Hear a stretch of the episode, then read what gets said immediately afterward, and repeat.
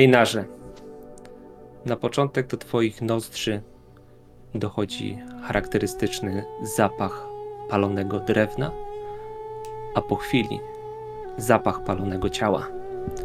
Znasz dobrze ten charakterystyczny smród.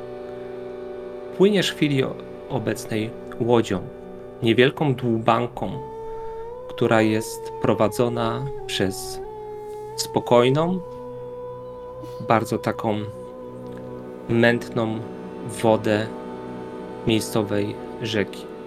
Dłubanka sunie powoli pomiędzy konarami drzew, a twój przewodnik, którego wykupiłeś jakiś czas temu w jednej z wiosek po drodze, za pomocą takiej długiej żerdzi odpycha się od dna i bardzo pewnie pomiędzy różnymi konarami prowadzi twoją łódź. Po chwili do twoich uszu dochodzi dźwięk dud. I już wiesz, co za moment zobaczysz. Gdy dłubanka, sunąc po tej spokojnej wodzie, po chwili wyłania się za drzew, widzisz wykarczowane, wycięte z drzew pole i potężne grodzisko, które wznosi się na jednym z takich niewielkich wzgórz, wyspie położonej pomiędzy mokradłami. Na suchym terenie, poniżej wałów tego ogrodu, wznosi się kilka niewielkich kopczyków. Zdajesz sobie sprawę, że są to kurhany. Pomiędzy tymi kurhanami widać ogromny stos drewna, który płonie, i ludzi, którzy stoją obok. Zdajesz sobie sprawę, że właśnie wpływasz i widzisz przed swoimi oczami ceremonię pogrzebową, która się tutaj odbywa. Musiał to być ktoś znaczny, ponieważ z daleka już widzisz zbrojnych, którzy są w swoich pancerzach, starczami, ubrani w taki sposób, żeby okazać godność.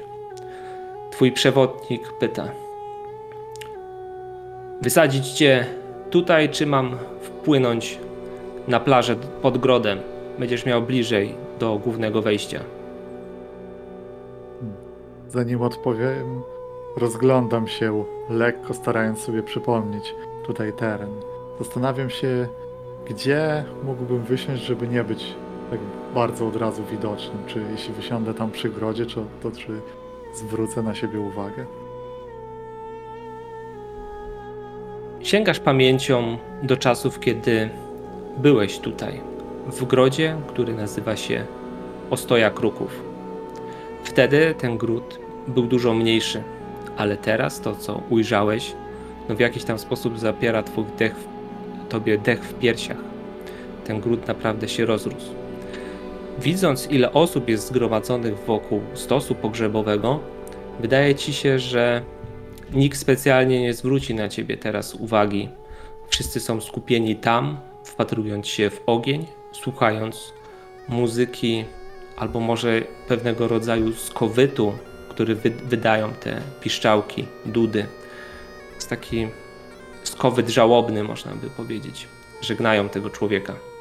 Także jeżeli wysiądziesz tutaj, prawdopodobnie idąc do głównej bramy grodu, natkniesz, nat, spotkasz ludzi wracających z pogrzebu. Natomiast jeżeli popłyniesz dalej, przewodnik doprowadzi cię łódką do takiej niewielkiej plaży, do której zwykle dobijają wszelkiego rodzaju barki, łodzie. To miejsce jest dosyć dobrze zabezpieczone.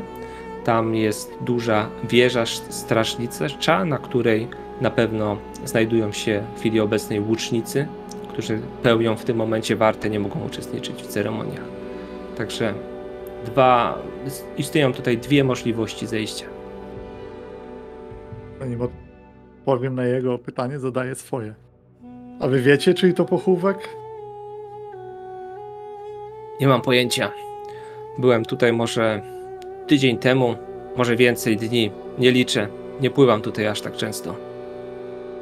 Ale panie, ktoś znaczny. Tam rozpoznaję w tej czarnej szacie. To musi być władczyni Rahira, a obok jej mąż Agmund. O, chyba jakieś panisko tutaj grzebią. Hmm. Dobrze, więc może być tutaj. Nie będę cię już męczył. Nogi mogą mnie ponieść do tego grodu, i zobaczę, co się tu dzieje. On sprawnie podpływa, dobija do suchego fragmentu, który znajduje się pomiędzy jakimiś trzcinami. Podejrzewam, że dajesz mu jakiś stary grot z odstrzały, który jest zapłatą za przewiezienie cię tutaj. Dla niego ten kawałek żelaza może być niesamowicie cenny. Dla ciebie jeden z wielu, których gdzieś tam masz w sakiewce. Być może jest to nawet grot, który tkwił w moim ciele. No cóż, nie pamiętam. Schodzisz z tej dłubanki suchą nogą. Jesteś pomiędzy trzcinami. Cały czas dochodzi do ciebie ten charakterystyczny, nieprzyjemny, drażniący zapach. W tym momencie dźwięk dud zostaje gwałtownie przerwany. Oznacza to, że ceremonia została zakończona. Temirze, stoisz pośród innych żałobników. Spoglądasz płomienie, które powoli wgryzają się w drewno stosu ułożonego pod ciałem twojego mistrza, Lechiego. Stos został ułożony w prawidłowy sposób. Wybrano najsuchsze, najlepszej jakości drewno, jakie było w grodzie. Nasączono to drewno olejami, smołami, żeby płomień, który buchnie z tego stosu, błyskawicznie pożar ciało Twojego mistrza. Czujesz ten zapach, który do Ciebie dochodzi, słyszysz jazgot dud, które grają obok Ciebie. Kobiety, które są tutaj zgromadzone, śpiewają pieśń w dosyć starym języku, który już jest rzadko używany. Najstarsi tylko tutaj z ostoi kruków jeszcze potrafią mówić lub właśnie inkantować różnego rodzaju pieśni. Jak się czujesz? Co myślisz o tym? Masz w ręku albo przy pasie miecz swojego mistrza, który podarował ci przed swoim odejściem, gdy trzy dni konał w prawdziwych męczarniach, zatruty jakimś jadem potwora, z którym się, z którym się zmierzyliście. O czym myślisz? Co czujesz w tym momencie, widząc w tym stosie świat, który odchodzi? Świat, który się dla ciebie zmienia i to bardzo gwałtownie.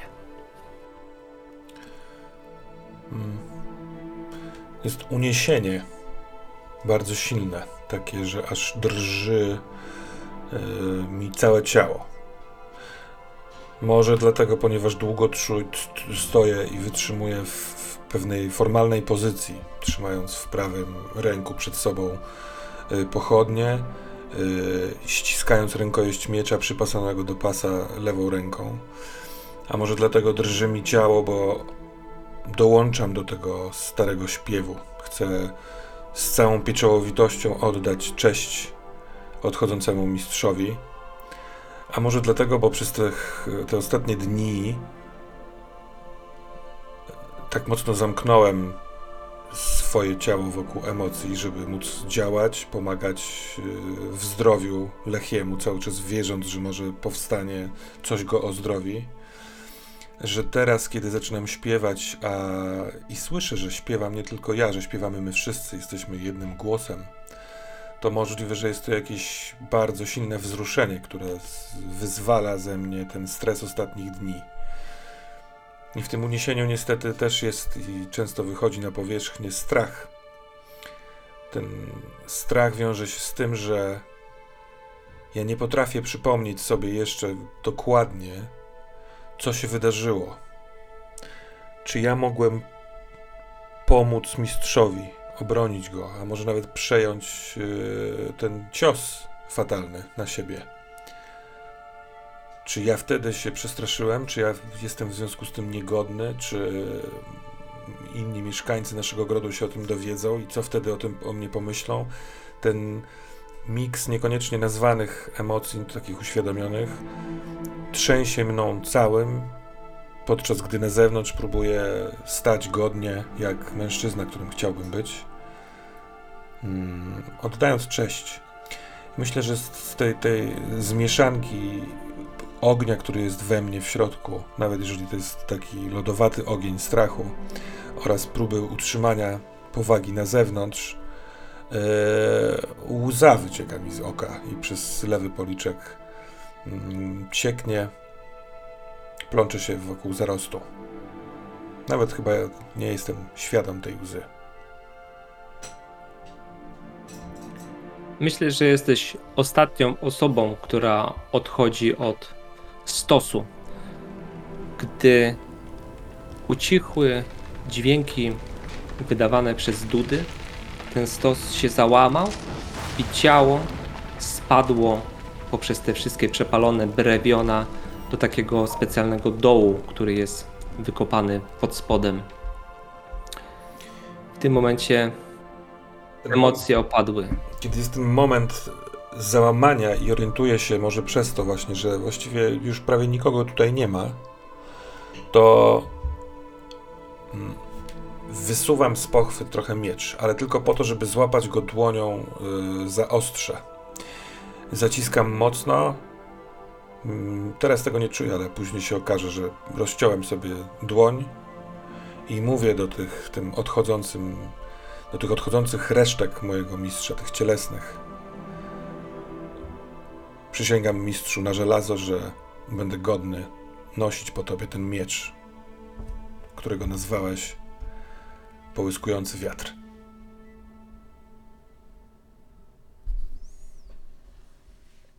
Ejnarze. Kondukt żałobny wraca do grodu. Widzisz, że na czele tego konduktu idzie kilku huskarlów doborowej, ciężkiej piechoty, e, która służy zapewne panu i pani tego, tego grodu. Za nimi już starsza, nie pamiętasz jej takiej, pamiętasz ją jako piękną kobietę o blond włosach. Teraz widzisz już starszą, mogę powiedzieć, że matronę, kobietę, która już dużo przeżyła w czarnej, pięknej e, sukni, w specjalnej chuście na głowie, która jest ozdobiona za pomocą kabłączków skroniowych, pięknie wyszywana i jest niesamowicie godna. Ona, ona, kobieta, podtrzymuje pod rękę mężczyznę, Agmunda, którego też pamiętasz, ale pamiętasz go zupełnie inaczej, jako wojownika jednego z Huskarlów. Teraz widzisz trochę przykurczonego, zmęczonego człowieka, którego twarz pokazuje milion trosk, które na tej twarzy się po prostu przez te lata odbijają. Za nią, za tą parą, idą trzy dziewczyny.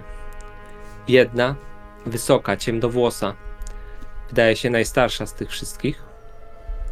E, I dwie młodsze o białych, prawie jak śnieg włosach, złocistych, w zależności od tego, jak pada na nie światło.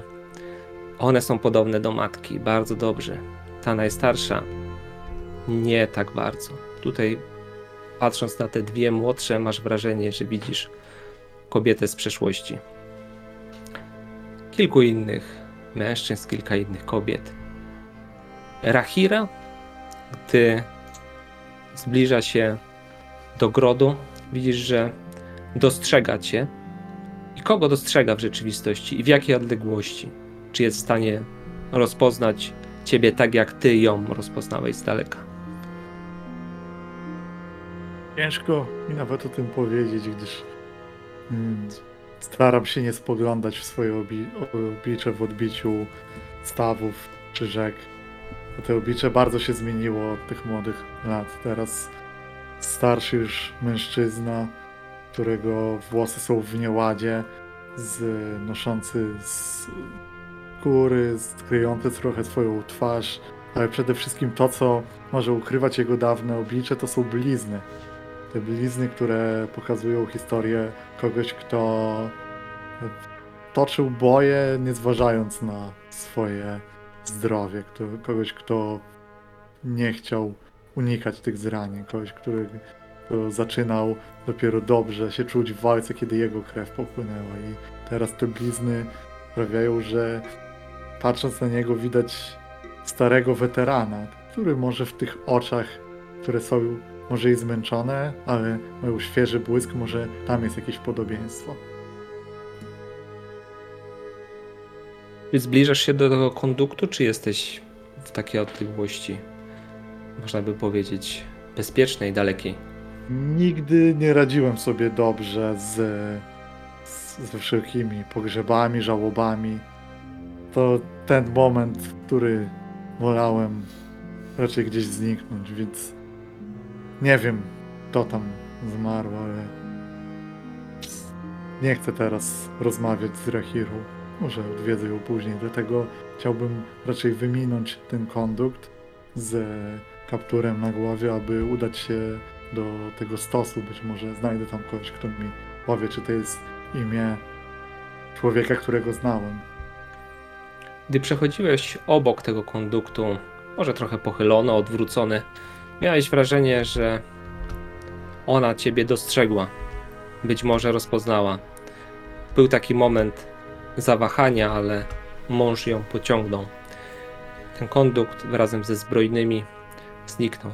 Minąłeś ich, a przy stosie widzisz wciąż stojącego mężczyznę, który w chwili obecnej skończył zaciskać dłoń na ostrzu żelaznego miecza i słyszysz to charakterystyczne zablokowanie się miecza w pochwie, w okuciu, gdy znowu został zagłębiony w nasączonym olejem i tłuszczem runie.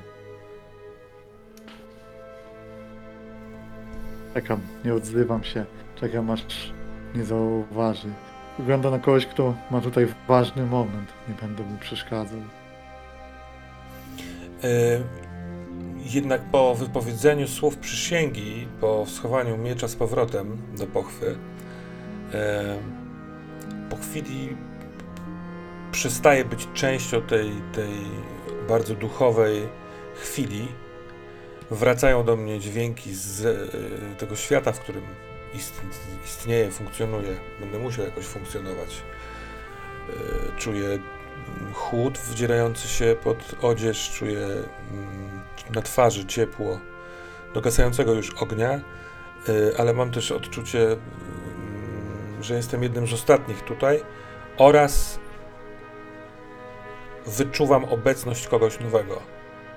Jakiś taki instynkt, który mistrz Lechi próbował we mnie obudzić, sprawia, że odwracam się i spoglądam y, na przybysza.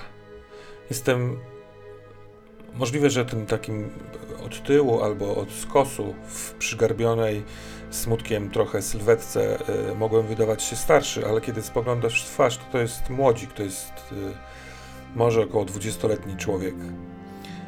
Y, ma smutne oczy w błękitnej barwie, y, posklejane, skołtunione, trochę jasne włosy. Na całej twarzy zarost trochę taki chaotyczny, ale krótki jeszcze. No jest to ten jeden z tych mężczyzn, któremu późno zaczynają rosnąć y, włosy na twarzy. Ym, Ubrany w skórzaną kurtkę, taką mm, wojowniczą, cały czas ściska w lewym ręku, w lewej, le, lewą, lewą dłoń wokół rękojeści miecza przypasanego do pasa. I przykrzywia głowę lekko, bez słów zadając pytanie, czy przybyłeś na ten pogrzeb? Co tu robisz? Tą gęstą ciszę przerywa w tym momencie łoskot spadającego na ziemię ze stosu żelaznego hełmu, który po prostu w momencie, gdy te brewiona się jakoś tam przesunęły, ten hełm spadł na ziemię i wywołał taki charakterystyczny dźwięk, że ta gęsta cisza, która była wokół was, rozbrzmiała dźwiękiem żelaza. A ty Einarze, znasz bardzo dobrze ten hełm i już w jednej chwili jesteś w stanie doskonale powiedzieć, jakie ciało spoczywało na tym drewnianym stosie. Twój stary przyjaciel, Lechi, właśnie dokonał żywotu, a ty chyba przybyłeś w ostatniej chwili, żeby go pożegnać. Hmm.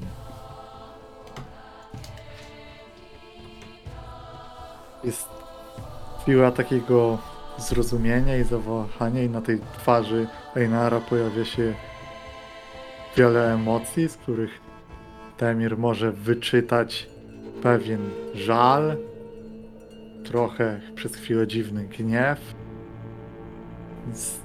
po czym starszy mężczyzna z bliznami opanowywuje się i mówi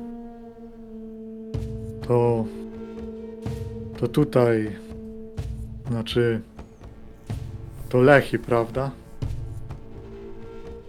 Tak, to Lechi, mój mistrz. Znałeś go? Mistrz. O.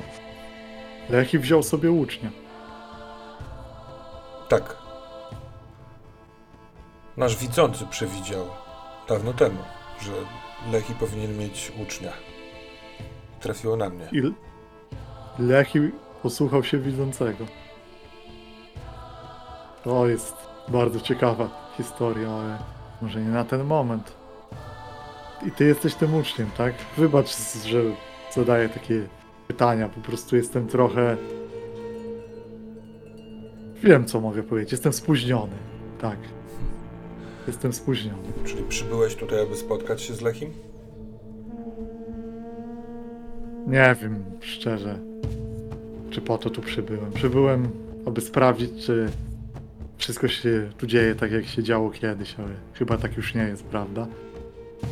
Gród się zwiększył, ludzie się postarzali, a starzy przyjaciele umierają. Na To imię, jest mam, chyba upływ czasu. na imię mam Temir. Emil. Naszą, nasz gród dosyć często nachodzą bestie z lasu. Lechi pełnił w ostoi kruków funkcję strażnika. A ja uczyłem się i pomagałem mu tak, jak potrafiłem. Hmm. Bestie. To dobrze. No, właśnie z rąk złap jednej z nich. I spoglądam tylko na resztki dogasającego stosu. Nie, nie rozumiesz mnie. To dobrze, że to nie ludzie to zrobili. Nie potrafię Lechi- dostrzec różnicy. Lechi nie chciał już walczyć z ludźmi. Hmm, tak, to by chciał. Walczyliście razem kiedyś? W tych czasach, o których nie chcę za dużo mówić? Nie bez powodu, wiesz? Ja też nie chcę za dużo o tym mówić. Ale... W takim razie, czy ta bestia poległa? Że ten młodzieniec ma ochotę opuścić głowę, ale powstrzymuje ten ruch. I z zaciśniętymi szczękami odpowiada nie. W grodzie rozbrzmiewa trąbita. Teraz, po pogrzebie, odbędzie się pewnego rodzaju uczta dla osób, które chcą pożegnać Lechiego. Ta uczta została opłacona i przygotowana przez władców grodu. Tak chcieli w jakiś sposób uhonorować Lechiego. W związku z czym kucharze, jacyś tam służący, niewolnicy którzy nie byli na pogrzebie, przygotowywali tą ucztę. Ona dosłownie w tym momencie zostaje otwarta i się zaczyna. Możecie do niej dołączyć. Sumie może nawet powinniście. Tam będą wszyscy. Jest to tradycja tutejszego miejsca. Ja podchodzę do, do stosu. E, dosyć już szybkim i zdecydowanym ruchem ten hełm, który upadł, podnoszę pochodnią, która jest rozpalona i te pochodnie. Nie chcę wbić za mocno, żeby jeszcze bardziej nie roztrzaskać tych y, dogasających resztek, ale chcę umiejscowić na szczycie. Tak, że jak się wypali ta pochodnia, to ten hełm osiądzie. Potem odwracam się i. Czy zechcesz, to, czy zechcesz towarzyszyć mi na ucztę pożegnalną? Tak. Jeśli mógłbyś prowadzić, to chodźmy. Jak cię zwał? Opowiesz mi coś. A, przepraszam, ja jestem Einar. Czasem zapominam, że imiona to przydatna rzecz. Zwykle wiesz, na trakcie wołają na mnie hejty. Rozumiem e, prawo traktu i normalnie też nie byłbym aż tak wścibski, ale możliwe, że będę cię musiał przedstawiać. Dlatego spytałem. Przedstawiać. Chętnie to zobaczę. Czy...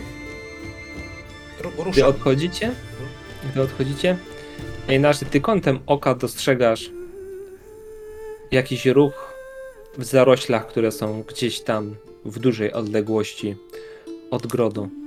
Trudno ci określić, co to było. To mogło być dzikie zwierzę, to mógł być poruszone wiatrem gałęzie, ale jesteś wyczulony na takie rzeczy. Zobaczyłeś to przed tym, jak się odwróciłeś.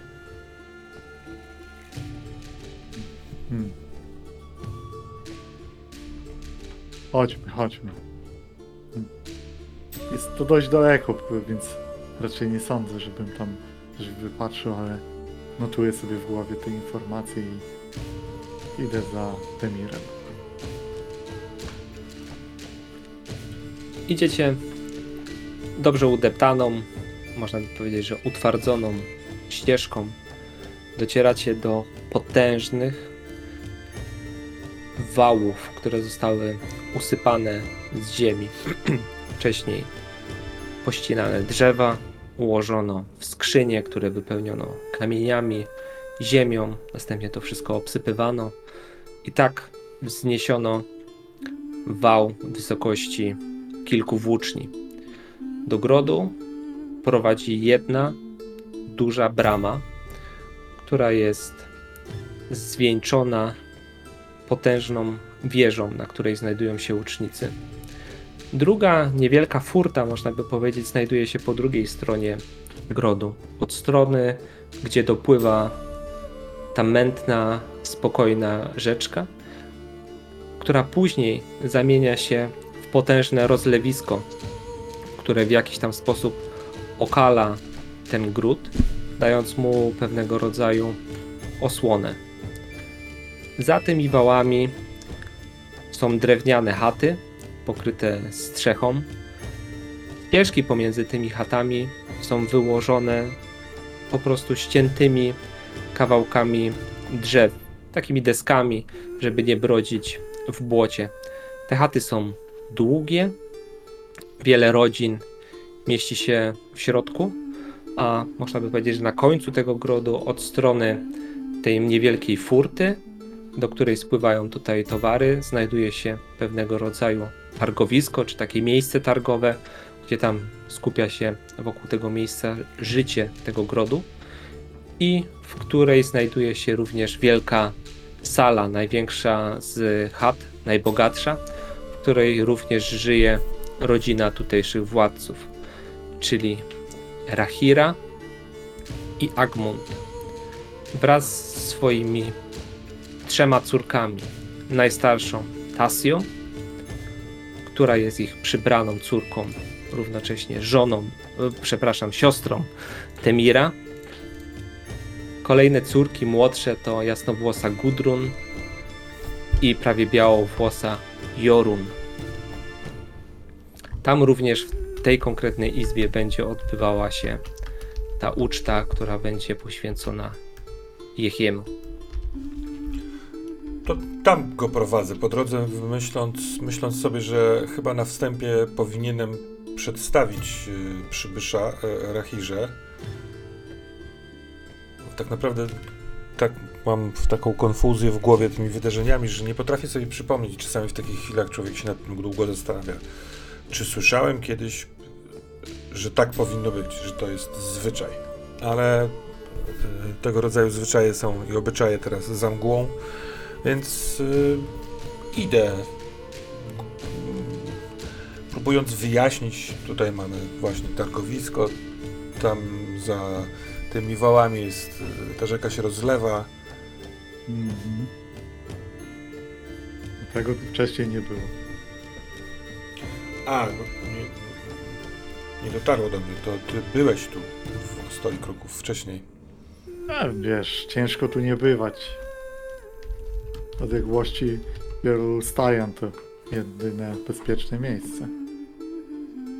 Einarze, było was trzech lata temu. Zeke, Lechi i ty. Zeke jako pierwszy odłączył się od drużyny pijawek, Watachy. Później byłeś ty i Lechi. I tutaj właśnie sprowadziły was, można by powiedzieć, że wasze, wasze ścieżki.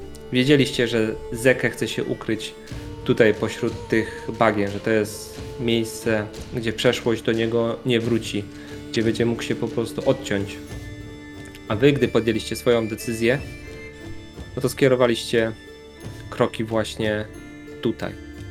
No ale los sprawił, że ty nie zagrzałeś tutaj miejsca. A ta dwójka, owszem, została. Teraz po latach właśnie widzisz, jak bardzo się tutaj zmieniło. Jak z, można by powiedzieć troszeczkę z zapomnianego, zagubionego miejsca, ten gród przerodził się w coś mocnego. Coś zupełnie innego niż pamiętasz. Jest, obracam w głowie taką dziwną myśl, że jest zwykle z naszego powodu grody i miejsca upadały. A to jest pewna nowość, że coś urosło, zostało zwiększone i ulepszone. Hmm. Tak, to. Nie, nieźle się tu pobudowaliście, co? O. Chyba tak. A rzeczywiście ile ty masz wiosen? Powiedz mi. 20. 20. Zaczynam tak w głowie się zamyślam i zaczy- zaczynam tak, kiedy ja tu byłem, ale to ciężko się liczyć lata, szczerze mówiąc, jak mijają i się jest na trakcie. 20. Hmm. 20 lat temu gdzieś było. Jak byłeś tutaj ostatni raz?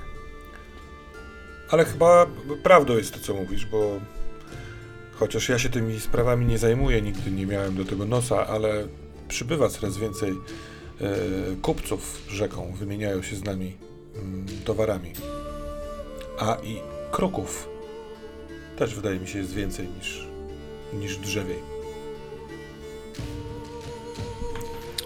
Teraz mi, że wieczorna, jeszcze wieczorna mi, pora, że- więc nie, nie pewnie ich już nie latają specjalnie, ale czyż one nie przysiadają na chatach, na dachach, w różnych miejscach y, naszego grodu? Ja myślę, że tutaj przy tej głównej chacie jest duży dąb. Potężny, stary, pradawny dąb, który wyrasta w środku tego grodu i wokół którego może jest nawet zbudowana ta główna chata. W taki sposób, że pień jest jeszcze w tej, w tej chacie. I po prostu w, tym, w tych potężnych konarach pośród tych liści tam przesiadują kruki. E, pozwól, że najpierw przedstawię cię naszej kniachini, Ramirze. Miało! Oczywiście chyba, że ją znasz. Nie. Chodźmy.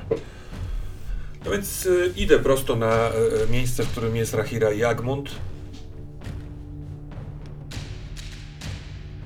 Wchodzicie do dużej, przestronnej sali, która jest chwili obecnej rozświetlona. Wydaje się, że setkami świec, pochodni. W momencie, gdy wchodzicie do środka, od razu uderza w was zapach jadła, zapach rozgrzanych ciał. Uderza w was jakaś muzyka, która tutaj jest rozbrzmiewa w całej tej sali. Czujecie zapach ognia, drewna, jakichś olejów, którymi jest tutaj to drewno zabezpieczone, zapach słomy, e, skór, żelaza, ponieważ są tutaj też zbrojni huskarlowie w swoim pełnym e, rynsztunku. E, Jest tutaj gorąco, w jednej chwili po prostu czujecie, że po chwili pot pojawi się na waszych twarzach, ale ta atmosfera teraz jest zupełnie inna niż tam na pogrzebie. Teraz nadszedł czas, żeby wspominać tego wojownika z jego najlepszej strony, żeby uhonorować go po prostu czystą radością, która nieczęsto tutaj na tych bagnach w Ostoi Kruków się pojawia. Kniachini i kniaź siedzą przy głównym miejscu takiego długiego stołu. Gdzieś tam po izbie palą się ognie. Dym unosi się w górę ku powale, omija i otacza jakieś drewniane kolumny, wije się pomiędzy nimi i uchodzi takimi niewielkimi otworami w strzesze. Ja po drodze zatrzymuję się zamyślony w jakimś takim w miejscu, w którym nie powinno, nie ma po co zatrzymywać się. A to dlatego, bo odkąd wszedłem do, tego, do tej chaty i słyszę dźwięki, widzę obrazy e, uczty, to do, dociera do mnie coś, czego jeszcze sobie nie nazwę w tym swoim młodym y, ciele, ale jakąś taką przewrotność życia. Przed chwilką ból, strata i smutek, teraz jest głośna zabawa i odruchowo mam odepchnięcie tego, niezgodę na to, ale z drugiej strony tak robią wszyscy. Przypominam sobie, że te lata temu, zanim jeszcze stałem się uczniem mistrza, kiedy, kiedy żegnaliśmy z y, rodzeństwem moich rodziców, naszych rodziców, to bardzo inaczej wtedy to się odbierało. Teraz jako dorosły człowiek, tracąc kogoś bliskiego, to uderza. Ale po chwili się reflektuje, że chyba zatrzymałem się razem z tymi myślami. Przepraszam, chodźmy dalej. Trochę uderzyła do ciebie ta przeszłość, bo przypomniałeś sobie, jak stałeś przed stosem swoich rodziców. I wtedy jedyne ciepło, które otrzymałeś, to była ta szorstka, twarda od rękojeści miecza, ręka twojego przyszłego mistrza, Lechiego. I ten dotyk był taki bardzo podobny do dotyku twojego ojca. A bardzo potrzebowałeś tego ciepła wtedy, w tamtym momencie i bardzo szybko zawiązała się pomiędzy wami więź. I było w tym pewnego rodzaju ojcostwo, ale również właśnie taka nauka i relacja ucznia z mistrzem, która czasami potrafiła być dosyć szorstka. A teraz jakby ty przejmujesz rolę mistrza, nauczyciela, jakby zostałeś sam. Do tej pory zawsze był on a teraz jakby zdajesz sobie sprawę, że możliwe, że nawet ty dzierżysz w ręku jakiś symbol tego, kim on tutaj był. Tutaj zadam pytanie Einarowi. Czy wy macie jakiś swój symbol, sygnet, wisior, malunek na tarczy, miecz albo coś, co powoduje, że można was rozpoznać? Czy Jedyn... Symbol ma. pijawek, czy symbol może ludzi, którzy polują na bestie, które chodzą tutaj po ziemi? E, Jeśli chodzi o pijawki, to jest, nie ma czegoś takiego i wszelkie takie symbole też jeśli by były, byśmy odrzucili odchodząc, ale łatwo nas rozpoznać po sposobie walki i, tym, e, i tej runie, którą potrafimy rysować krwią. To jest rozpoznawalne. Jeśli chodzi o tych, którzy polują na bestie, cóż, myślę, że myślę, że jest e, jest e, żelazny sygnet, bez żadnych symboli, taki prosty, który jest e, na, noszony na wskazującym palcu prawej dłoni. Dość nietypowy. To jest po prostu bardzo prosta obręcz, która pokazuje pewną siłę przysięgi, że jeśli my przysięgamy zabić jakąś bestię, to ta przysięga jest ciągle w naszej dłoni, jest tam, gdzie jest nasz pierścień, jest w sile. Ja myślę, Temirze, że ty masz jeszcze pierścień. Że prócz miecza dostałeś jeszcze pierścień, ale nie zostało wyjaśnione, do czego ten pierścień służy.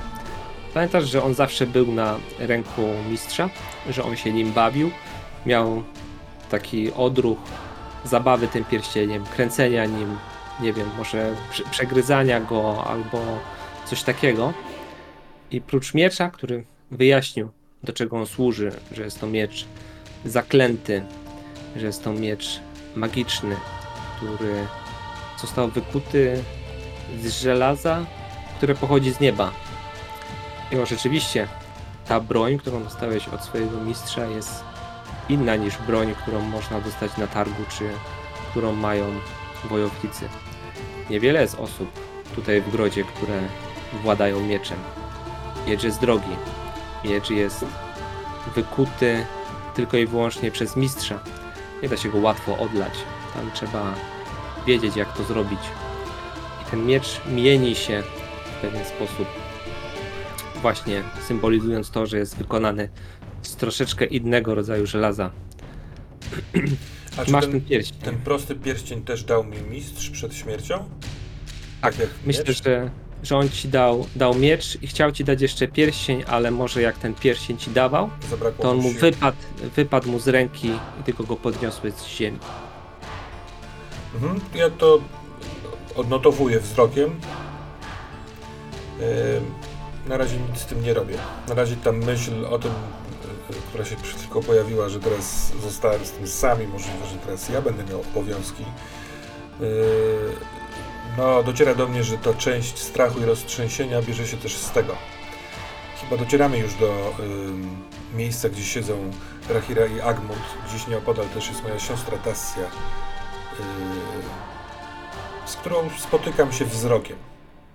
Myślę, że ona, zawsze uważałem, że mimo tego, że jest młodsza, jest znacznie mądrzejsza. Myślę, że po chwili patrzenia mi w oczy widzi, że e, o ile ona na razie tylko raz straciła rodziców, to ja drugi raz właśnie teraz odczuwam taką pustkę i odebranie. Ale ona nic z tym nie robi, bo ja z tym też nic nie robię, próbuję z tym walczyć, tylko przemawiam. Rahiro, to jest Einar. Zdaje się, że niegdysiejszy kompan Lechiego. Chciałbym zaprosić go na dzisiejszą ucztę. Widzisz, że Agmund jest trochę może zmieszany tą sytuacją, natomiast Rahira uśmiecha się, staje od stołu, wskazuje na jakiegoś niewolnego, który się tutaj kręci. On przynosi róg wypełniony miodem i Rahira pokazuje, żeby wręczył ten róg Einarowi.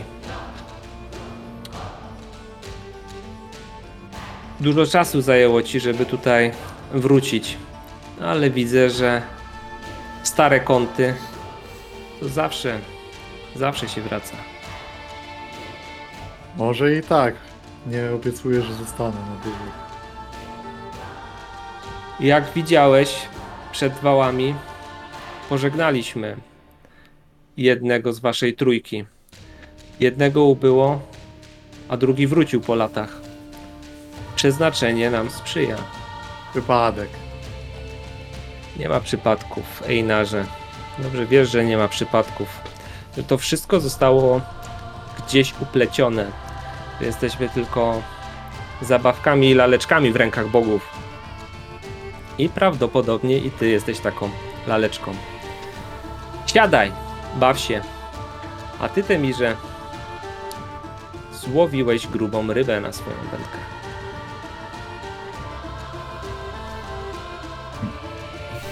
Nie wiem, co z tym zrobić. Rozglądam się, czy jest też tu przy tym stole jakieś miejsce dla mnie. Jestem już trochę oszołomiony pogrzebem. Tak, myślę, że jest tutaj miejsce, które było przeznaczone wcześniej dla Lechiego. W chwili obecnej to miejsce jest przeznaczone dla ciebie. Ale obok Agmund wskazał, że mają dołożyć do stołu jakieś kolejne siedzisko, żeby Jer Einar mógł usiąść tutaj. To Może jest to trochę zaskakujące, że tak blisko władców gość z drogi. Chyba chciałbym, zanim jeszcze zrozumiem, y, że Agmund wysłał niewolnych, żeby przygotowali siedzisko dla Einara, zająć miejsce po Lechim.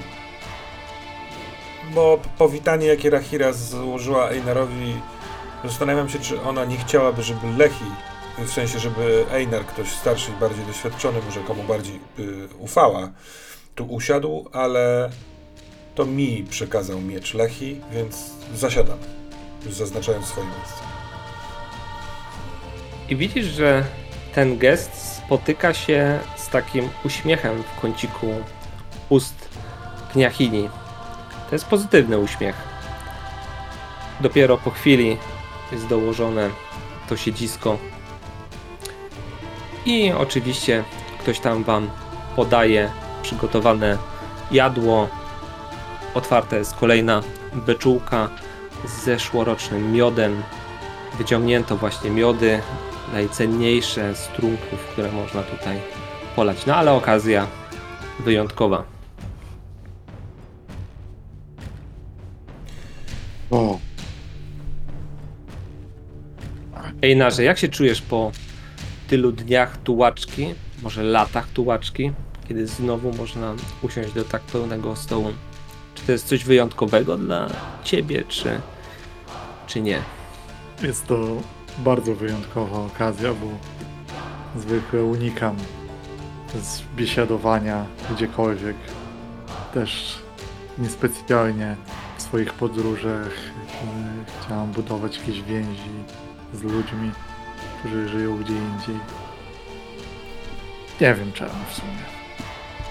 Nie zastanawiałem się nigdy nad tym. Teraz jak tu wracam i czuję taki dziwny nacisk w piersi, takie coś, czego nie jestem w stanie zidentyfikować, to myślę, że może nie chciałem z nikim w tych podróżach budować relacji, żeby właśnie nie czuć się tak, jak czuję się teraz. To nie jest przyjemne uczucie, mimo tego, że jest tu miód i jadło. I pewnym zmartwieniem spoglądam na twarze i po tym przywitaniu zastanawiam się, czy są wobec mnie jakieś oczekiwania, jakieś zobowiązania, coś, czego już dawno temu nie chciałem mieć na swoich barkach. Czyli można by powiedzieć, że przy tym stole i tak dalej czujesz się trochę zagubiony, trochę niekomfortowo, trochę wystawiony na, na świecznik? Tak, szczególnie, że zwykle w przeszłości przy takich okazjach były to uczty po bitwach i walkach i ja byłem tym najgłośniejszym, który pił najwięcej i yy, prowadził zabawę, a teraz jest, no nie jestem w stanie wejść z powrotem w tę rolę, szczególnie w takich okolicznościach. Nagrodzimy to jednym stresem. Będzie, że w jakiś Czas na sposób ruch. to na ciebie Dobra. To ja rzucam w takim wypadku na y, spiryt. Zgadza się, prawda? Nie? Czy Już sobie wykonuję. Mhm. I mój rzut to jest e, weak hit. Czyli po prostu pozostaję w tym stresie. Ja e, si- siedząc na tym e, Lechiego swoim miejscu, e, próbuję rzeczywiście coś przykąsić. Ten zapach jedzenia jest. Uświadamia mi, jak mało jadłem ostatnimi dniami. Co jakiś czas ktoś podchodzi albo zagaduje, klepiąc po ramieniu. Może sprawdzając, jak się trzymam, albo może sprawdzając, czemu tu usiadłem. Są to życzliwi ludzie, bo to są moi, moi ziomkowie. Yy, ale chyba jako, że byłem najbliższy yy, z Lechim, to sami coś chcą zrobić ze swoimi emocjami, więc po prostu przekazują je mnie. Yy, Chwilkę może rozmawiam z Tessją, ale tak naprawdę dążę do tego, żeby w naturalny sposób po zjedzeniu i napiciu się z jakimś yy, właśnie kolejnym e, nalanym miodem zbliżyć się do tego przybysza, bo tu wszystko znam. Ale przyszłości mistrza nie, a może będzie chciał mi coś opowiedzieć. Ja myślę, że był taki moment w trakcie uczty, kiedy trzeba opuścić ucztę i wyjść na moment się troszeczkę przewietrzyć. Może zapalić fajkę, zapalić jakieś zioło, zażyć troszeczkę chłodu, odświeżyć się. I gdy byłeś na zewnątrz, właśnie stojąc pod drzewem kruków, zobaczyłeś również Einara, który wyszedł no, prawdopodobnie w tym samym celu co ty, żeby odetchnąć, nabrać powietrza, ochłonąć, wychłodzić ciało, które jest rozgrzane od tego wszystkiego, co dzieje się w tej izbie, od miodu, który krąży we krwi, od emocji. Hmm. Rahira cię poznała. To, to znaczy, że byłeś tu i byłeś razem z Lechim i byłeś. Byłeś dłużej niż przejazdem? Ciężko powiedzieć. Może parę dni, może tygodni. Nie zagrzałem tu miejsca. Pomogłem, ruszyłem dalej. Niezbyt lubię zostawać w jednym miejscu. Teraz też tak będzie. A ona powiedziała przeznaczeniu, a ty nazwałeś to przypadkiem. Zgadza się. A jednak trafiłeś tu z powrotem w wieczór, kiedy chowaliśmy twojego kompana. Zgadza się. Jakby tak nie było, to nie mógłby być to też przypadek, prawda?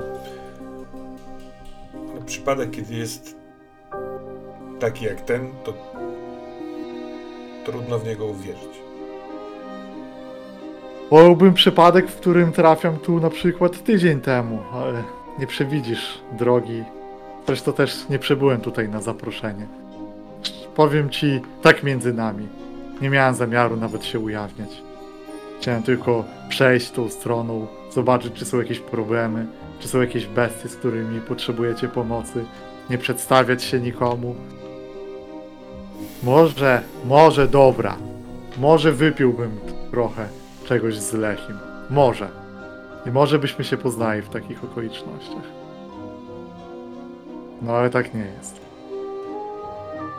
A co do tego całego waszego przeznaczenia i bogów? Bogowie sprzyjają tym, którzy sami rozwiązują swoje problemy. Hm, tak samo mówi Lechi. No tego, tego akurat ode mnie się nauczył. Albo ja od niego, nie pamiętam. Jeszcze był jakiś trzeci? Tak powiedziała Rahira? A, i się wygadała. On nie chce być na językach ludzi. Jeszcze ktoś by mógł usłyszeć jego imię. Rozumiem, rozumiem. Ale był, tak, tak. Jest tutaj na mokradłach kilka osób, które żyją z dala od grodu. Jest taki starzec, Zeke, którego mówią, że jest pomyleńcem, ale ty, Temirze, zdajesz sobie sprawę, że Lechi nigdy nie mówił, że on jest pomyleńcem. On był jeden, który wykazywał bardzo duży szacunek do niego. Jest na bagnach też wiedzący, Morwaldis, do którego chodzi się po wróżbę i który też ma coś za pazuchą i który nie jest do końca przyjemnym typkiem. Wydaje się, że on gada albo może gadać z tymi, którzy są na bagnach, z istotami ciemności, można by powiedzieć, z karłami, z tamtejszymi stworami. Kto wie, czy nawet nie gada z ropusznikami. A ty, Einarze, pamiętasz ropuszników? Człowiekokształtne potwory, które wtedy napadły Rahirę, a ty ją uratowałeś z tamtej sytuacji. A czy Togar, mój brat, który, przeznaczone, powiedzmy, chociaż dziwnie to brzmi w kontekście tej tutaj rozmowy. Było życie w lesie. On był w ogóle na uroczystości. Widziałem go od momentu, kiedy raniony został Lechi. Nie, nie widziałeś go. On nie pojawia się, unika, choć czasami masz wrażenie, że obserwuje, że pojawia się, że może nocą przemyka tutaj przez gród, podgląda ludzi, obserwuje, co się dzieje, ale nigdy nie został schwytany. Ty masz takie tylko wrażenie. Znasz go, je, macie tą samą krew w swoich żyłach. Także podejrzewasz, co może robić, co go interesuje. On chce wiedzieć, lubi wiedzieć. Einarze, jest tu bestia. To nie był jej pierwszy atak. Pierwszy raz zasadziliśmy się na nią z Lechim w o tyle skuteczny sposób, że doszło do konfrontacji. Niestety bestia okazała się silniejsza albo sprytniejsza. Hmm. Silniejsza albo sprytniejsza. Nie, to mi, że opowiem ci troszeczkę o tej bestii, bo Lechi od dawna mówił, nawet nie mówił o niej jako o bestii, mówił jako o królu czaszek, stworze z mokradę. Czasami nazywał go obdzieraczem, ponieważ ta istota uwielbiała obdzierać wojowników ze skóry i tego takie truchła obdarte rozwieszać gdzieś po mokradłach jako symbol swojego terenu. Ale mówili też na niego Slidmorg. Duża, potężna, pokryta łuskami bestia, człowiekokształtna, w długich pazurach, długich kłach przypominających ryj dzika, zarośnięta włosami, takimi długimi, rudymi, troszeczkę przypominającymi szczecinę, ale równocześnie obwieszona ogromną ilością złota, ogromną ilością wisiorów, jakichś takich czaszek, elementów zdobytych na, na wojownikach, diamentów, kryształów. Mm, To wszystko w jakiś tam sposób kontrastowało. Lechi mówił o nim, że to jest król czaszek. I zdaje się, że on właśnie tak wyglądał. Ty go nigdy nie widziałeś tak do końca dobrze. Zawsze gdzieś we mgle. A wtedy, kiedy Lechi otrzymał śmiertelną ranę, tej nocy można by powiedzieć, że był niesamowicie zestresowany. Popłynęliście w trzy osoby łodzią z jedną kobietą, która była odziana w taki sposób, że nie byłeś w stanie rozpoznać, kim jest. Prowadziłeś łódź i Lechich tamtego, tamtej nocy kazał ci zaufać sobie całkowicie. Cokolwiek by się działo, miałeś go słuchać, a że ta relacja między wami była jeszcze silna, no, wykonałeś to. Lechi wziął tą kobietę i ruszył we mgłę. Pamiętasz tylko ciemności, gdzieś tam odbitym blasku księżyca, pośród tej mgły wyłaniający się ogromny żelazny obelisk. Wiesz, że on gdzieś jest na mokradłach, ale Lechi potrafił tam, tam trafić. Może twój brat by znał miejsce. Ty chodziłeś często po bagnach, ale nigdy nie trafiłeś do tego obelisku. I tam widziałeś w tej mgle cień króla czaszek.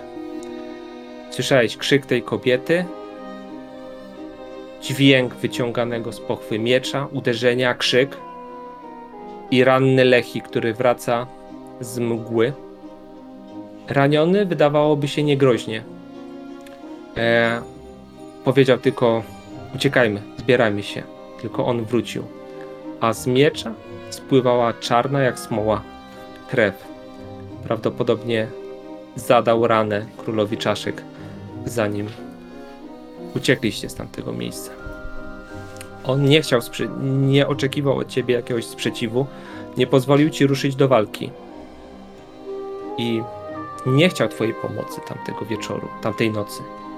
On jakby wziął całe brzemię tego, co zrobił na siebie. Ja od kilku dni rozmyślam, czy to nie była, to nie był test. Czy on powiedział nie idź na pomoc, zostań tutaj przy łodzi, dlatego, bo chciał sprawdzić, czy jestem już gotowy, żeby podjąć własną decyzję, a nie słuchać yy, komend. I całkiem możliwe, że to nierozsądne tak myśleć, ponieważ byłem, jestem uczniem, a on był mistrzem. Yy, ale takie poczucie winy w związku z tą utratą na razie jest nie do okiełznania przeze mnie. Lechi gorączkował. Rana, okaz... Rana okazała się dużo groźniejsza. Ona była w jakiś sposób jadowita, zakażona, zatruta. E... I wydawałoby się, że z niewielkiego draśnięcia, które było gdzieś tam, przeszło przez pancerz, Lechi zaczął tracić zmysły. Mówił przez sen, bełkotał, wracał do swojej przeszłości. Mówił o bitwach, o łupiestwie, o niepokonanych wojownikach, którzy walczą w ogniu bitwy, stają w ścianie tarcz, zabijają tylko dlatego, żeby sami chłonąć po prostu energię z ciał pokonanych wrogów, że jego miecz syci się tym wszystkim. Nie znałeś tych historii, o nich nie opowiadał Mhm. tobie. Wydawało się, że, że bredzi. A później pod koniec życia mieliście chwilę rozmowy, kiedy wydawał się całkowicie świadomy, gdy opowiadał ci o mieczu, gdy opowiadał ci, że to jest broń, którą pokonasz króla czaszek. Tylko i wyłącznie tą bronią.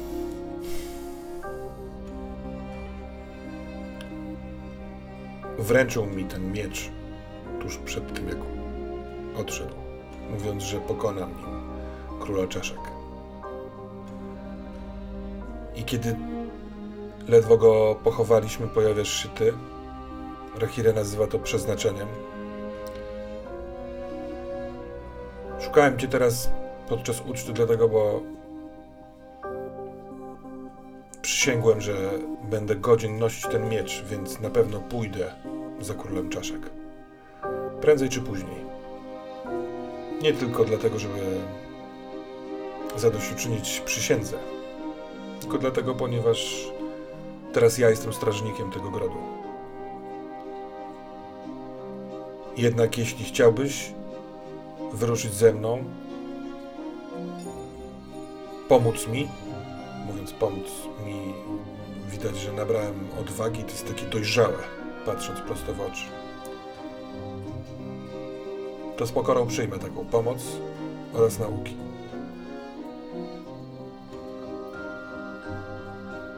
Ach, czemu... Czemu trafia na mnie? Lechi był świetnym nauczycielem. Zeke jest cholernie mądry, a ja umiem tylko zabijać. Czy ty chcesz, żebym nauczył cię zabijać? Tak myślałem, że chodzi o Zekego. Nie musisz być moim nauczycielem. Na Lechi nauczył mnie dużo. Może nie nauczył mnie zabijania. Może to by przydało się w momencie, kiedy w tym czasie próby, kiedy zostawił mnie przy łodzi. Nie chcę mieszać też w twoich planach. Jeśli musisz iść, to idź. Po prostu sam powiedziałeś to dwukrotnie, że chciałeś zobaczyć, czy potrzebna jest pomoc. Dlatego to powiedziałem. Hmm. A jednak Jeśli- jeśli, jeśli mam stań, stanąć już na nogach o własnych siłach, to zrobię to. Czy ty znasz znaczenie tego pierścienia? Wskazuje swój pierścień na palcu. Sięgam do, do y, takiego woreczka przy pasie przypiętego, y, wyjmuję z, ten pierścień Lechiego i otwieram rękę. Nie. On chciał mi go przekazać, ale zabrakło mu sił, żeby powiedzieć, czym jest albo dlaczego. A, i wszystkie zwyczaje i obyczaje mówi ci osoba, która niespecjalnie je lubi. No cóż, kiedy strażnicy polują na bestie, to na ten pierścień składają właśnie przysięgę na żelazo. I niosą tę przysięgę ze sobą. Niosą ją, póki nie zabiją bestii. Dlatego, kiedy chcesz wyruszyć na polowanie, powinieneś na ten właśnie pierścień złożyć tą przysięgę. A najlepiej zrobić to przed tymi, których chronisz. Żeby oni znali wagę twoich słów. Tak się zaczyna młodzieńcze polowanie. Właśnie tak. Odwracam się, wchodzę do tej chaty i składam przed wszystkimi, mówiąc najpierw głośno: Słuchajcie! Wyciągając ten pierścień przed siebie, składam przysięgę, że powalę króla czaszek. Widzisz, że kątem oka, że Einar wszedł ze sobą i ciszej o wiele, nie zabierając ci twojego, trzyma swój pierścień i powtarza twoje słowa. Zobaczmy, jak te przysięgi wybrzmiewają. Tutaj w żelaznych ziemiach przysięga ma w pewien sposób magiczną moc. W związku z czym, tu już troszeczkę podchmieleni, może rozbawieni, e, ale na pewno nie rubaszni i nie biesiadujący. Ludzie wyciszyli się. Wojownicy stanęli, jak siedzieli, bawili się, tak odłożyli na moment misy z jadłem, ujęli w ręce rogi czy kubki z trunkami. Muzyka przestała grać, a wy możecie złożyć przysięgi. Wykonajmy standardowe rzuty związane z przysięgami. Robimy tak, że każdy swój, czy z- jedną? Mamy jedną przysięgę. Myślę, że to jest bardziej przysięga Tembira. Mhm. Ja po prostu ją zapiszę i będę ten, ale ty możesz rzucać wtedy. Jest ok, tak? Mhm. Dobra. Za... Dodaj sobie plus jeden, bo składasz przysięgę dla swojej społeczności, dla miejsca, które jest w jakiś tam sposób dla ciebie ważne. Dodaję też współczynnik serca, mm, który mam na trójce, czyli mam plus 4 do tego rzutu. A czy ty chcesz mi określić rank tego, tej przysięgi? Jeszcze nie wiem Dobra. em, tego. Zostawmy to. 7 na czwórce i siódemce, więc to jest weak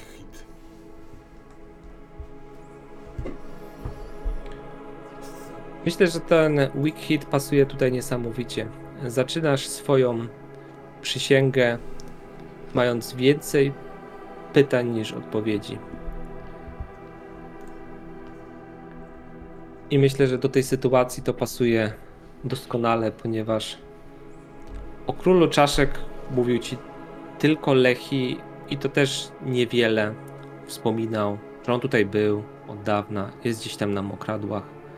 Zdarzyły się jakieś walki z nim, ale nic więcej. Lechi trochę go trzymał w tajemnicy, jakby dla siebie, jakby nie chcąc, ujawniając wszystkiego, co było z tym związane. Ale pod koniec swojego życia i tej sytuacji, która odbyła się na baktach, on myślał i widać, że był skupiony na nim coraz bardziej. Pamiętasz też, że za każdym razem, gdy była pełnia księżyca, Lechi wystawał wtedy na wartach na wale grodu. Jakoś tak wyjątkowo, bardziej niż zwykle. I zawsze wtedy, kiedy była pełnia księżyca. A czy te 3 dni temu, kiedy dostał śmiertelną ranę, była pełnia? Tak.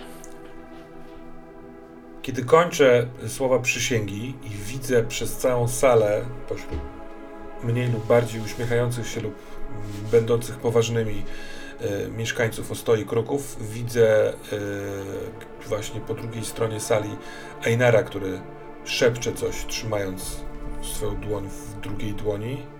Te myśli mi się pojawiają w głowie o pełni i spośród wszystkich pytań, które mam, czemu, jak to zrobić i tak dalej, mam przeczucie, że chciałbym, że usłyszałem kiedyś z ust Togara, swojego młodszego brata, leśnego włóczęgi, yy, słowa o obelisku. I niezależnie od pogody, w sensie od stadium księżyca, chciałbym wiedzieć, gdzie jest ten obelisk, więc jutro spróbuję odnaleźć swojego brata. Dobrze. Myślę, że możemy tą scenę uczty zamknąć. Znowu grają piszczały, znowu wszyscy się bawią. Wzniesiono rogi. Przyjęto Twoją przysięgę na żelazo.